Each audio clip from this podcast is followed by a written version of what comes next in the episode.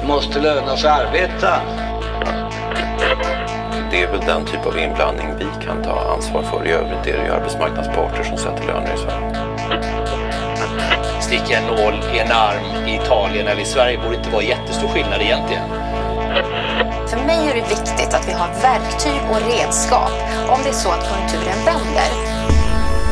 Välkomna till Arbetsvärldens podd Arbete och fritid. Idag är det torsdag den 17 november när vi spelar in i ett eh, ruggigt Stockholm där det faktiskt eh, nästan snöade idag. Men vi sitter inne i en studio isolerade av mjuka gardiner och helt utan fönster, så det känns väldigt tryggt. Britta Lejon, STs ordförande, du är med som Jajamän. vanligt. Välkommen.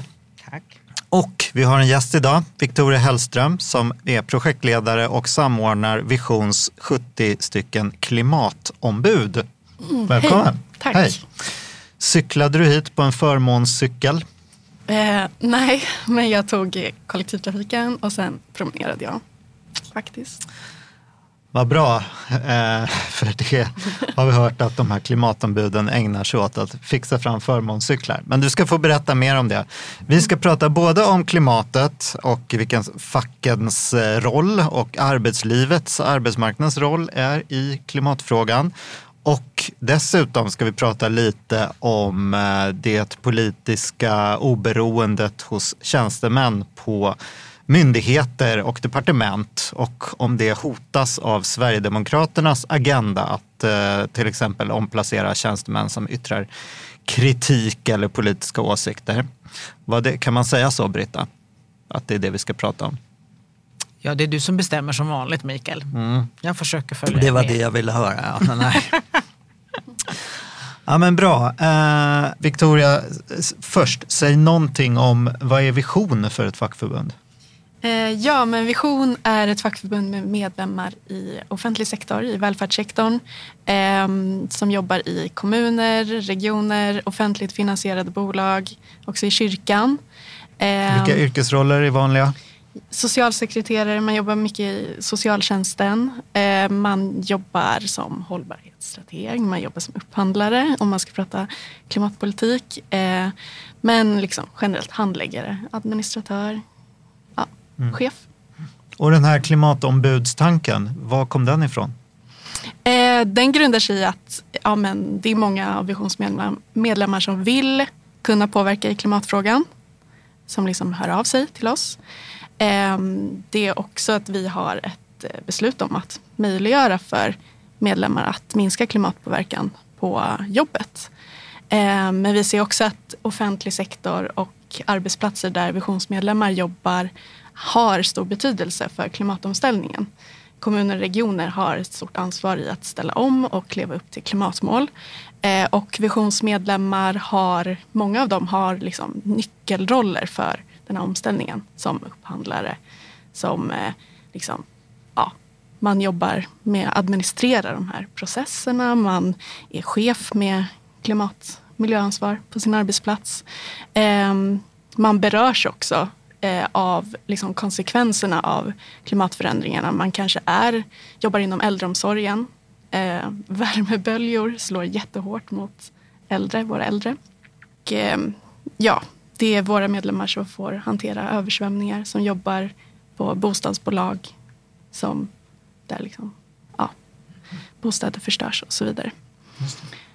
Ehm, Så offentlig sektor är en viktig aktör och en viktig att, arena att påverka.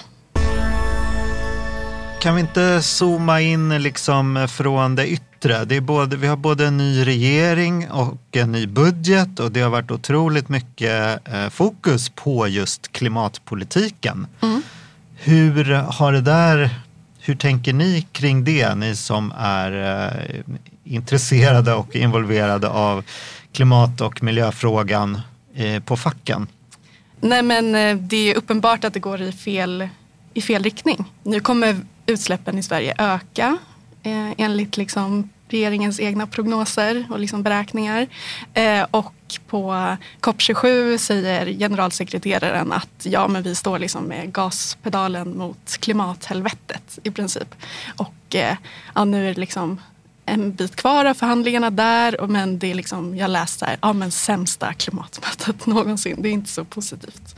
Eh, och man känner ju verkligen att ja, men Vision har ju arbetat fram den här rollen klimatombud och man känner liksom hur det väger tungt på deras axlar när politiken inte tar eh, det ansvar man behöver göra. Se, blir det svårare eller, se, eller kan man se det som en liten lucka då, på något sätt? Att ni, att ni blir viktigare? Ja, vi blir ju verkligen viktigare. Det är sant. Men jag vet inte om det är en lucka. Man vill ju liksom att hela samhället, hela världen ska kraftsamla kring det här. Man vill ju inte stå ensam.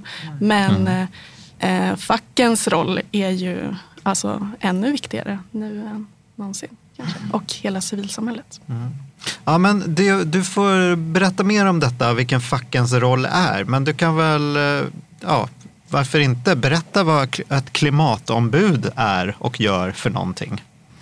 Eh, ja, men ett klimatombud, ehm, det är en förtroendevald, en vald medlem på arbetsplatsen som företräder sina kollegor och eh, lyfter klimatfrågor.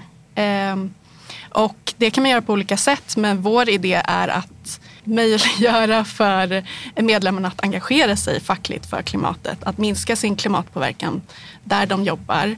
Och, eh, det ser vi liksom är väldigt viktigt och vår idé bygger på att eh, eh, det är liksom i verksamheterna där våra medlemmar finns som man ser vad som behöver göras. Och att vi tror att det är klimatombuden och de som engagerar sig för klimatet på arbetsplatserna som har de liksom bästa lösningarna. Det är liksom hela grundtanken. Sen har vi liksom tankar om vad klimatombud kan göra såklart. Och liksom olika förslag på till exempel vad man kan intresseförhandla kring. Alltså lägga fram för förslag till arbetsgivaren på arbetsplatsen tillsammans med sin klubb eller avdelning. Eh, och det är till exempel det här med cyklar. Eh, eh, det finns ett klimatombud i Rättviks kommun, eh, Göran. Han har samarbetat jättebra med sin styrelse. Han har aldrig varit förtroendevald tidigare. Eh, och nu har han valt att engagera sig just för att den här rollen finns. Och eh, de eh, lämnade ett förslag till arbetsgivaren om att införa förmånscyklar på jobbet. Alltså att man som anställd i kommunen kan till ett förmånligt pris lisa en elcykel till exempel. Och det möjliggör ju för fler att liksom ta sig på ett hållbart sätt till och från jobbet till exempel.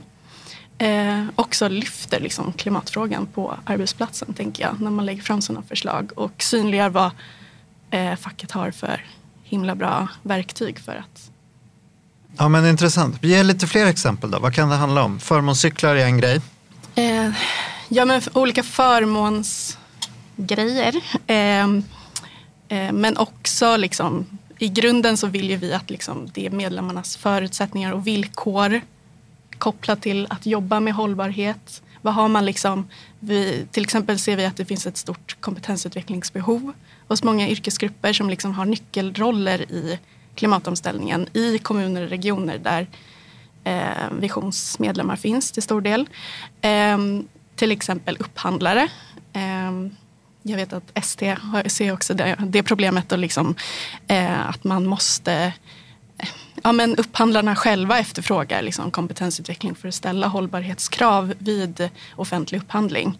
Och offentlig upphandling är liksom, utgör en jättestor del av våra eh, konsumtionsbaserade utsläpp. Det är 40 procent av eh, våra konsumtionsbaserade utsläpp. Så det är liksom, eh, det spelar roll. Eh, så ja, men mer utbildning. Eh, man skulle kunna tänka sig att man Ja, men så här, våra, våra medlemmar, visionsmedlemmar jobbar liksom politiskt styrda organisationer. Man sätter upp eh, mål för eh, klimatmål eh, om att minska utsläpp och så vidare. och så vidare. Jobbar med hållbarhet.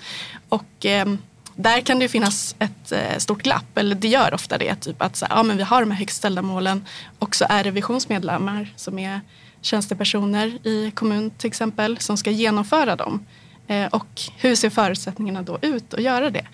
Ehm, och vi tror helt enkelt att om eh, medlemmar får bättre inflytande i de här frågorna och liksom blir mer aktiva att liksom belysa vad som behövs så kommer det liksom hjälpa till eh, klimatomställningen.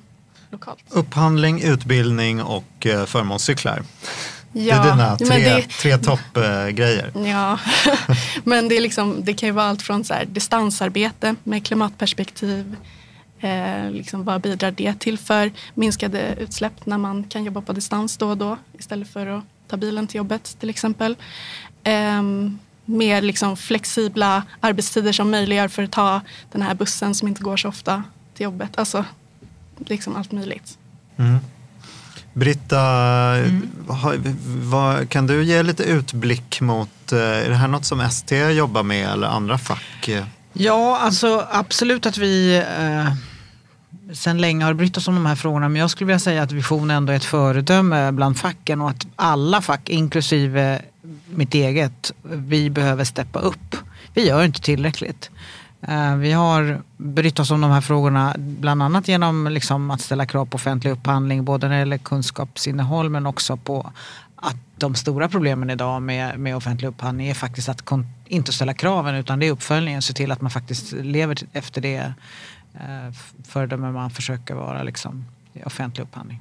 Nej men så här, det, det finns i, i dessa tider när politiken faktiskt inte gör det som krävs och som inte räcker. När vi ser ett klimatmöte till som riskerar att bli liksom inte tillräckligt. Eh, och vi ser, ja, men samtidigt som FNs senaste rapport kom om att nu kan vi säga hej då till 1,5 graders målet liksom. Och man riskerar att bli så deprimerad så att man liksom, och frustrerad så man vet inte vad man ska ta vägen. Samtidigt så tar vi liksom och tar bort eh, subventionerna för elbilar i Sverige. Ja, ni vet hur det ser ut. Då, då är det ju, tror jag, dels väldigt viktigt att vi vi gör vad vi kan för vi har ett ansvar som civilsamhällesorganisationer och vi kan påverka precis som du är inne på på arbetsplatserna. Det finns saker som går att göra även på en, vilken arbetsplats som helst. Ifrån resmönster, hur, vilken energi använder man, vilka typer av fordon upphandlar man för att utföra sitt jobb. Uh, hur, liksom, hur ser villkoren ut för, för eh, inte bara resor och energianvändning utan också hur man planerar sitt arbete som du är inne på. Men jag kan tänka mig flera saker. Så det är absolut att vi kan bidra. Jag tror att det är viktigt att facken inte bara bidrar för att, klimat, att vi ska liksom ja, säga att vi åtminstone ska nå 1,7 procent och inte 3 grader. 1,7 grader och inte 3 grader. Så, ja, ni förstår, vi, det är viktigt att vi gör de facto vad vi kan. Men det är också viktigt att vi vi kan erbjuda människor en möjlighet att påverka så att den här risken för att vi alla känner att jag kan inte, alltså att det är jag själv, den här risken att känna att man inte kan bidra i det här stora, stora mönstret, den är, den är ju eh, påtaglig och det, där tror jag vi också har en till skillnad från många andra civilsamhällesorganisationer så har ju vi en bredd. Det är ju faktiskt otroligt många människor som är med i facket och det är ju det här är ju någonting som så många av våra medlemmar är, anser är viktigt. Och där kan vi, vi också erbjuda en plattform för påverkan som jag tror många längtar efter. Victoria, vad är de vanligaste hindren som du stöter på? Du har väl en hel del kontakt med de här klimatombuden. Vad är det de brukar eh, klaga på när de kommer till Klaga dig på? och säger det här funkar inte? Det här möter jag Ehm. motstånd. Men det är mer typ, eh, det är många som liksom är helt nya i sitt fackliga engagemang och då är det så här, hela det här, bara lokalisera sig. Var, var befinner man sig? Vad har man för verktyg? Eh, ta, ta den här kontakten med styrelsen och liksom lära, lära sig om de fackliga verktygen. Så det, nästa vecka ska vi till exempel ha en träff om det här med intresseförhandling och vad det är. Vad man har, för att lära sig vad man har för påverkansmedel. Liksom. Hur har arbetsgivarna eh, hos er eh, betraktat det här?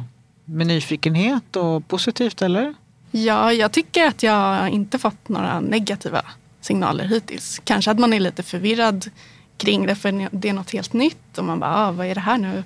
Ehm, det, är liksom, det kräver ju ganska mycket eftersom det är en ny roll. Så att man måste liksom förklara vad det innebär, vad man vill göra på sin arbetsplats och vara liksom lite tydlig kring det. Ja, nej men överlag positivt. Och vi hoppas ju liksom att det här ska vara något som arbetsgivarna ser är liksom någonting som möjliggör att mm, klimatombuden ska kunna kroka arm liksom med arbetsgivaren också. Liksom att man, man får med sig fler medarbetare i, i det här arbetet. Liksom. det är en styrka, tänker jag. Ehm, ofta i kommuner så är det kanske ja, men liksom enstaka personer som ska driva en hel kommuns hållbarhetsarbete. Typ en ensam hållbarhetsstrateg utan så mycket mandat kanske. Eh, och då är det ett jättestor hjälp att liksom fler involveras och görs delaktiga i det som behöver göras för att minska klimatpåverkan. Mm. Är det här liksom vägen framåt för fackföreningsrörelsen, de här klimatombuden? Eller finns det andra? Jag tänker så här, vad är fackets roll egentligen i klimatarbetet? Jag ser väl att det där kan vara absolut en jätte ett jätteviktigt steg framåt och, och en, bidra till våran attraktivitet och relevans. Men sen tänker jag, jag vet inte hur ni tänker på Vikfon, men jag tänker vi har ju också ett ansvar både att ställa krav på arbetsgivarna men också på, på politikerna när det gäller förutsättningar och lagstiftning och regelverk och sådär. Så vi, vi har ju ett ansvar som fack också att agera på nationell nivå. Både på arbetsplatserna och på nationell nivå. För Mer att driva på. opinionsbildande helt enkelt? Ja, ställa krav på rätt förutsättningar för att, så att vi kan gå åt rätt håll. Och så att människor kan bidra och att liksom förutsättningarna för att kunna bidra också blir lite mer jämlika. Vad, för ni har ju, jag har ju fastnat för det där att ni förespråkar de här snabbspårvägarna, Mm. Britta. Men det är ju en väldigt tydlig så här, politisk eh, Ja, men jag tycker den har en tydlig klimatkoppling. Ja, Jättetydlig precis. Ja, men det har den ju verkligen. Nej, men jag tänker för annars brukar det låta som att så, ah, men vi, vi liksom stödjer omställning så att vi kan eh, ta Mm. den, jobb, den typen av nya jobb som kommer i den eh, i eh, ja, en mer klimateffektiv Mm. näringsliv och så vidare. Alltså det är mer ett indirekt arbetande. Mm. Men ni driver ju ni driver faktiskt även frågor som Absolut. inte har direkt med arbetsmarknaden att göra. Nej, fast eh, jag skulle säga att det är inte så långt till arbetsmarknaden om man tänker efter lite grann. För om vi inte får ytterligare en eh, stambana, för det är det det handlar om, dit vi kan ha, där vi kan, alltså en, vi behöver i Sverige ett järnvägssystem för godstransporter och ett annat för persontrafik. Hade ni kunnat tycka det här om det hade varit helt frikopplat från arbetsmarknadsfrågor? Bara som en klimatfråga. Alltså, vi tycker någonting för att det är en klimatfråga, inte nödvändigtvis hit- för att det har med arbetsmarknaden att göra. Nej, alltså bra att du frågar. Tack för det. Eh, vi har hittills inte gjort det. Jag tror att vi kommer att behöva bekymra oss om klimatfrågor även när vi inte har superdirekt koppling till våra egna medlemmars eh, arbetsplatser. Mm. Om vi ska kunna driva på utvecklingen i rätt håll. Och de flest, i de flesta fall har det en koppling till våra medlemmar. Jag menar, vi har ju medlemmar på, inom sporttrafiken men, men dessutom är det här, om man tänker efter eh, lite, så här, handlar inte det här framförallt om hur fort tågen ska gå. För då gör man det väldigt enkelt för sig om man tror att det är det det handlar om. Utan det handlar om att ska vi kunna flytta över transporter från fossila utsläpp i, i transportsystemet till eh, Eh, det mer klimatvänliga eh, tåget. Både när det gäller gods och persontransporter. Och vi blir fler och vi kommer att behöva ha ett näringsliv som klarar av att ha eh, liksom pålitlighet i sina transporter och vi behöver persontransporter där folk kan ta sig till jobbet fram och tillbaka och till sina möten utan att liksom komma för sent eller ge upp på vägen och istället ta en hyrbil. Då, då kan vi inte ha alla transporter på ett och samma, i ett och samma spårsystem. Vi behöver separera gods och persontransporter. Det är det det handlar om. Ja, men jag tänker bara för att det, det känns som att facket liksom letar lite grann efter sin uppgift i Ja, klimatfrågan. men det har du nog rätt i. Det har du nog rätt i. Men eh, jag tror att eh, Absolut. Eh, Vi är ju vana liksom att förhandla om villkor och lön och pension och sånt där. Och det här är, du har helt rätt, det här är liksom en fråga som på det sättet inte är lika liksom, klockrent kuggar i våra vanligaste verktyg. Men eh, precis som du är inne på, ni Jag på tycker vision. det gör Ja. det, eller kan Ja. göra det. Och att man liksom, det, jag tror att det är där man ska liksom trycka lite extra. Mm. Där man har de här starka verktygen som arbetsplatsen. Mm. Det är liksom det som är vår arena. Mm. Och där vi bör finnas och liksom möjliggöra för våra medlemmar att påverka. Och sen behöver man väl anpassa liksom utefter vad man är för fackförbund och vilken bransch och sektor man företräder. Um, men ja, vision vill i alla fall så här, ja, men, ar- har identifierat arbetsplatsen i vår arena där vi ska, liksom, där vi ska lägga krutet och eh, ehm, vi vill liksom att våra medlemmar ska kunna vara en del av lösningen. Precis. var det är när vi pratar om så här rättvis klimatomställning som många fackförbund gör i världen och i Sverige. Så är det liksom, vi ser det som så här inflytandet på jobbet.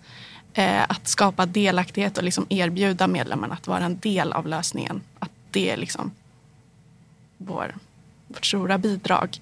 Sen, eh, och det är liksom det tror, som jag tror krävs för att liksom skapa den här rörelsen. Den här demokratiska, rättvisa klimatomställningen. Att ha något tryck underifrån eller ehm, ja. Så, men sen så finns det på många olika andra sätt facken har en superrelevant roll. Som liksom, eh, facken är experter på omställning på många olika sätt. Eh, och eh, har varit liksom den här positiva kraften i omställning tidigare i strukturomvandling. Så eh, ja, men till exempel omställningsstudiestödet är ju verkligen en så här klimatreform på många sätt. Och jag tycker man ska liksom försöka eh, prata om de frågorna, liksom kroka arm kanske med klimat och miljörörelsen i de frågorna. Eh, och liksom göra sig relevant mot dem.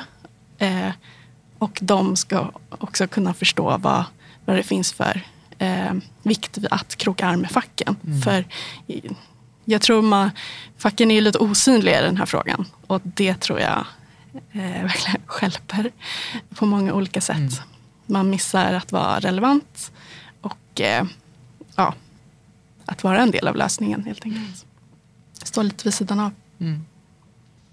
Men vad skulle ni vilja från Visions sida att, att eh, ser ni någonting som de, den kommunala sektorn, alltså både regioner och kommuner, eh, behöver tagga upp inom generellt sådär. Sen ser det ju naturligtvis olika ut på olika arbetsplatser och sådär. Men är det något speciellt som ni har liksom identifierat som här måste vi verkligen från kommuner och regioner verkligen liksom. Ehm, ja, men absolut. Um det är det här med offentlig upphandlingen, ställa hållbarhetskrav. Där liksom kommer de stora utsläppen ifrån. Och det är många aktörer som pekar mot det. Eh, sen eh, har vi också lyft det här med koldioxidbudgetering i kommuner och regioner väldigt mycket. Ehm, och liksom samarbetat med ehm, de krafter som liksom jobbar, ideella krafter som jobbar för att införa koldioxidbudgetering i kommuner. Och idag finns det kring 50-tal kommuner, även regioner som, som har infört en koldioxidbudget. Eh, och det är också någonting som klimatombuden liksom skulle kunna lägga fram som förslag till, eh, eh ja, men på sin arbetsplats. Att så här, ja, men vi behöver ju, för det här med koldioxidbudget, det är ett sätt att liksom synliggöra vad för utsläppsminskningar som behöver ske årligen för att hålla budget, då, liksom, eh, utsläppsbudget. Ja, det blir som en Ehm, kartläggning då av var, exakt. var utsläppen Ja. finns någonstans egentligen. Och vi ser det som ett liksom, viktigt verktyg för våra medlemmar för att kunna jobba med det här i praktiken. Det låter I sina jobb. jättebra, jätteviktigt. Ehm, så ja, men det är verkligen en sak som vi har lyft. Om man nu har lyssnat på den här podden eh, och så är man fackligt eh, aktiv eller inte, eller man behöver inte vara fackligt aktiv, men man blev inspirerad. Hur går man tillväga för att eh, börja ställa någon sorts vettiga krav och organisera sig på sin arbetsplats? Tycker du?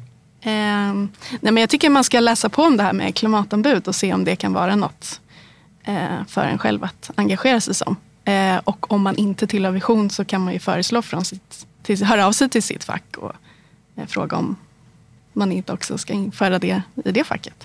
För det är verkligen en roll som vi vill att fler ska kopiera så att det liksom blir, någon, blir en roll som ehm, blir given på arbetsmarknaden på något vis. Nej, för Eh. vi pratar om att vi tror inte att det finns på några andra fack riktigt. Nej, det gör det inte. inte. I alla Nej. fall inte så utvecklat Nej, som hos er. det är det inte. Eh, så man kan gå in på vision.se klimatombud och läsa lite mer. Där finns också liksom guider för hur man kan gå tillväga för att minska klimatpåverkan på sin arbetsplats till exempel. Olika steg. Så här, ja, men, prata med kollegorna, eh, kartlägg vad är det som behöver ändras på och så är det lite olika eh, ämnen eller liksom olika områden man kan kika på. Och sen förslag på intresseförhandlingar man kan driva och sådär. Mm. Bra! Hoppas att det, är, att det inspirerar folk nu. Ni får, om det är någon som går igång efter den här podden, då måste ni höra av er och eh, berätta om det såklart. Så kommer vi vara stolta och eh, kanske kunna berätta om det i eh, en framtida podd. Britta, eh, nu tänkte jag fråga dig. Du har ju skrivit ett litet eh, blogginlägg om eh, det här med eh, oberoendet det politiska obero, eller partipolitiska oberoendet eh, hos eh, tjänstemän i offentlig sektor. Och det var väl lite eh, aktualiserat av den här interna chatten som de hade på Migrationsverket. Där Bland många annat. Mm. uttryckte oro för att eh, vad ska hända nu med Tidöavtalet? Mm. Hur ska vi eh, hantera eh, flyktingar som kanske inte får stanna Mm. I Sverige? Eh, vad... Ja, jag skrev bloggen ja. inte bara därför utan det var väl eh, även för att andra hörde av sig och, och var oroliga över, över eh, uppfattningar som har uttalats både i olika dagspress men också i sociala medier kring just den här från olika håll där, där Då tjänstemännens att till yttrandefrihet exempel så har Björn Söder twittrat ganska mycket om att man ska, eh, ja, jag har tweetsen Ja, men här. precis, jag är ju inte på Twitter. Men, men i vilket Mm. fall som helst så är det så att det, det har i både sociala medier och gammalmedia då, uttryckts från olika håll, inte bara från hans håll utan även från andra håll. Att det en sorts, spridits en sån här missuppfattning om att det förekommer någon form av aktivism hos både kommunala och statliga tjänstemän där, man liksom, där det påstås att, att tjänstemännen skulle liksom driva någon egen agenda och inte göra sitt jobb. Va? Det var därför jag skrev den där bloggen där jag försökte beskriva att så är det faktiskt inte alls. Och det är en otrolig... Jag tycker att det är en... Förutom att det är fel så tycker jag faktiskt att det är otroligt illa av alla de som försöker hävda det här. Eh, så. Och vad, eh, hur ska man se på den här typen av eh, intern chattar då, som, som det här rörde sig om? Mm. Får man använda den typen av forum för att Nej, att skriva finns- liksom att finns eh, gränser oj, oj, oj, vad- vad ska hända nu Ja, med eh, vår situation? Eh, För det första så tycker jag att man måste, måste vara medveten om att i, i kommun och stat så är det de flesta som jobbar där är eh, vanliga tjänstemän rekryterade för att de har kunskaper och färdigheter för jobben som behöver utföras i kommun och stat. Utan att man liksom bekymrar sig om vad de på sin fritid är engagerade i för föreningar eller har för politiska uppfattningar. De är opolitiska tjänstemän. Vi har väldigt få politiskt tillsatta tjänstemän i våra kommuner och i staten och det ska vi vara tacksamma för. Det ser helt annorlunda ut i andra länder. Det gör nämligen att, att när det blir ett skifte i majoriteten i en kommun, vilket ibland kan hända ganska ofta, eller i eh, staten, oftast efter ett riksdagsval, så funkar verksamheten ändå. Det är liksom inte så att hela förvaltningen bara dräneras på folk och ingenting händer på flera månader medan man väntar på att en ny majoritet ska formas, som det är i en del länder. Utan folk jobbar på och gör sitt jobb. Och så kommer en ny majoritet med nya politiska liksom, ambitioner. Och det hör till jobbet som en vanlig tjänsteman i kommun och stat att det är man van vid. Man inrättar sig efter de nya politiska besluten och gör sitt allra bästa för att den nya politiska majoritetens ambitioner och beslut ska bli verklighet. Det hör till jobbet och det hör till det professionella ansvaret som offentlig tjänsteman. Inom lagens gränser. Självklart. En kunnig och eh, ansvarsfull offentlig tjänsteman har både det här som uppgift att se till att förverkliga politikens ambitioner och beslut.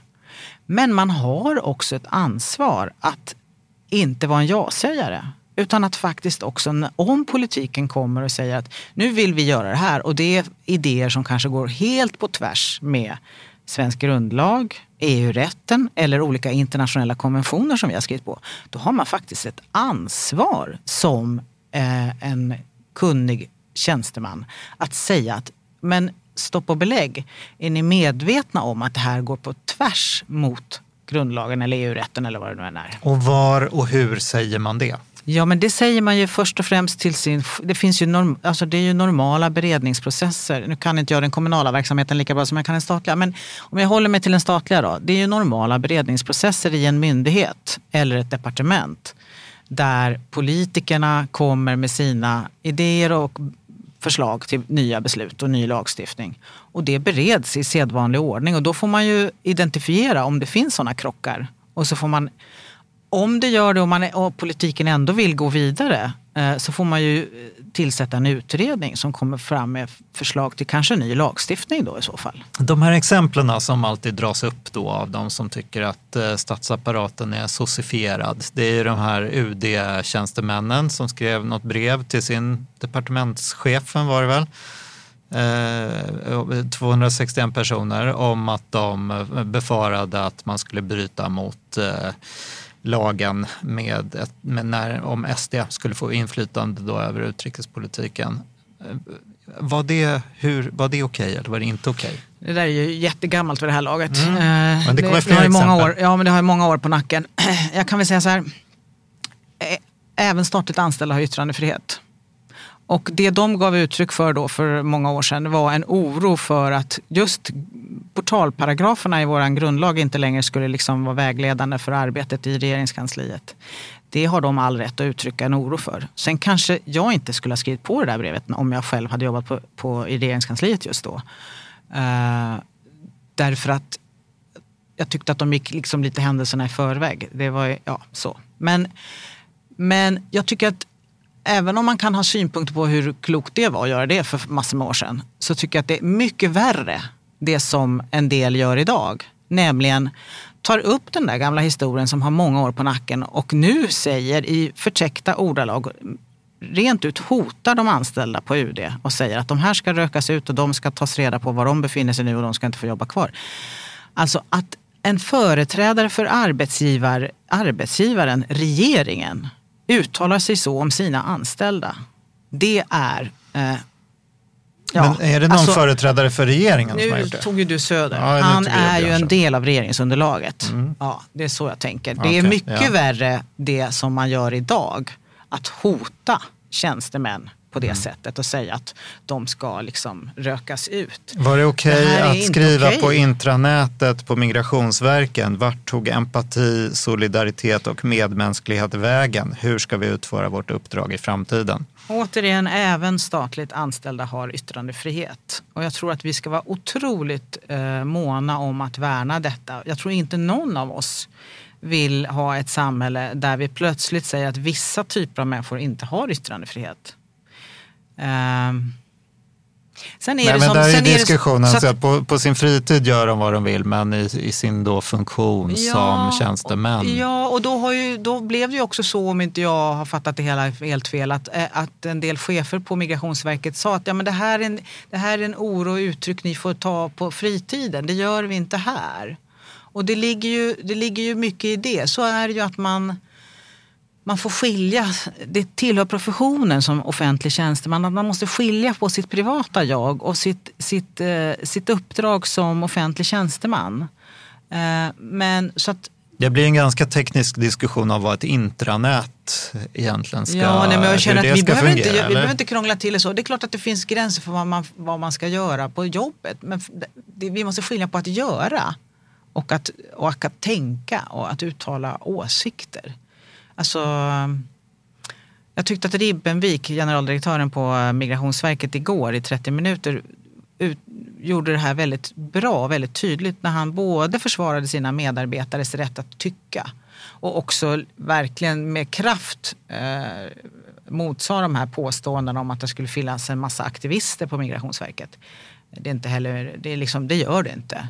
Eh, om man skulle ha problem med migrationspolitiken tror jag inte man skulle stå ut och jobba på Migrationsverket. Liksom. Så de som jobbar där, de, gör, de sliter för att förverkliga politikens beslut. Eh, och eh, jag skulle säga så här, politiker, deras vikt jag har ju faktiskt varit både politiker och tjänsteman. Politikers viktigaste verktyg för att få sin politik förverkligad, det är förvaltningen och dess tjänstemän. Det är de som gör jobbet. Eh, och eh, det krävs ett professionellt förhållningssätt mellan uppdragsgivarna, huvudmännen, arbetsgivarna och de anställda. Och det krävs från båda håll.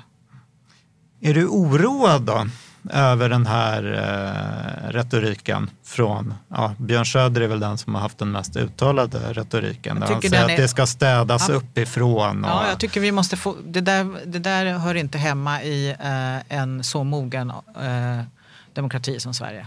vad, kan, vad, är- vad tror du, kan det här få konsekvenser? Alltså vilka kommer tillsättas eh, på, i olika styrelser för eh, Liksom, vilka justitieråd hamnar i HD? Vad kommer, alltså, finns, det såna, finns det en sån oro att eh, det kan Nej. bli... eh, Jag, kan inte, jag har ingen aning om vil- hur den här regeringen kommer att sköta sin utnämningsmakt och det vill jag inte spekulera i. Jag kan bara konstatera vad som redan har hänt. Jag, jag vet redan att medarbetare som, som, som i sin identitet känner sig eh, hotade av den här typen av uttalanden är oroade. Eh, och jag tror att då även Ribbenvik eh, och andra har liksom kunnat iaktta att det finns, ju, det finns ju medarbetare som mår dåligt av det här. Eh, och som känner sig, och nu menar jag inte att omsvängningar i politik i något avseende, utan av de här eh, förtäckta hoten och uttalandena. Och det förstår jag. Och det, det är inte okej. Det är faktiskt inte okej någonstans. Tack Britta. Eh, Det är som vanligt eh, i podden att du brukar drämma till med någonting sådär lite som man känner så här, "Åh, det här var på riktigt. det betyder någonting. Mm. Eh, hörni, eh, tack så mycket Victoria och eh, Britta för att ni var med idag. Och eh, vi, jag ska också tacka Henrik för klippning. Eller tacka och tacka. Jag ska berätta att det är Henrik Andersson Fågel som klipper podden. Eh, ge honom fler uppdrag. Han gillar att klippa poddar. Och eh, vi är väl tillbaks eh, igen om sisådär två veckor. Så att, eh, prenumerera och lyssna då också. Så eh, hörs vi. Hej hej!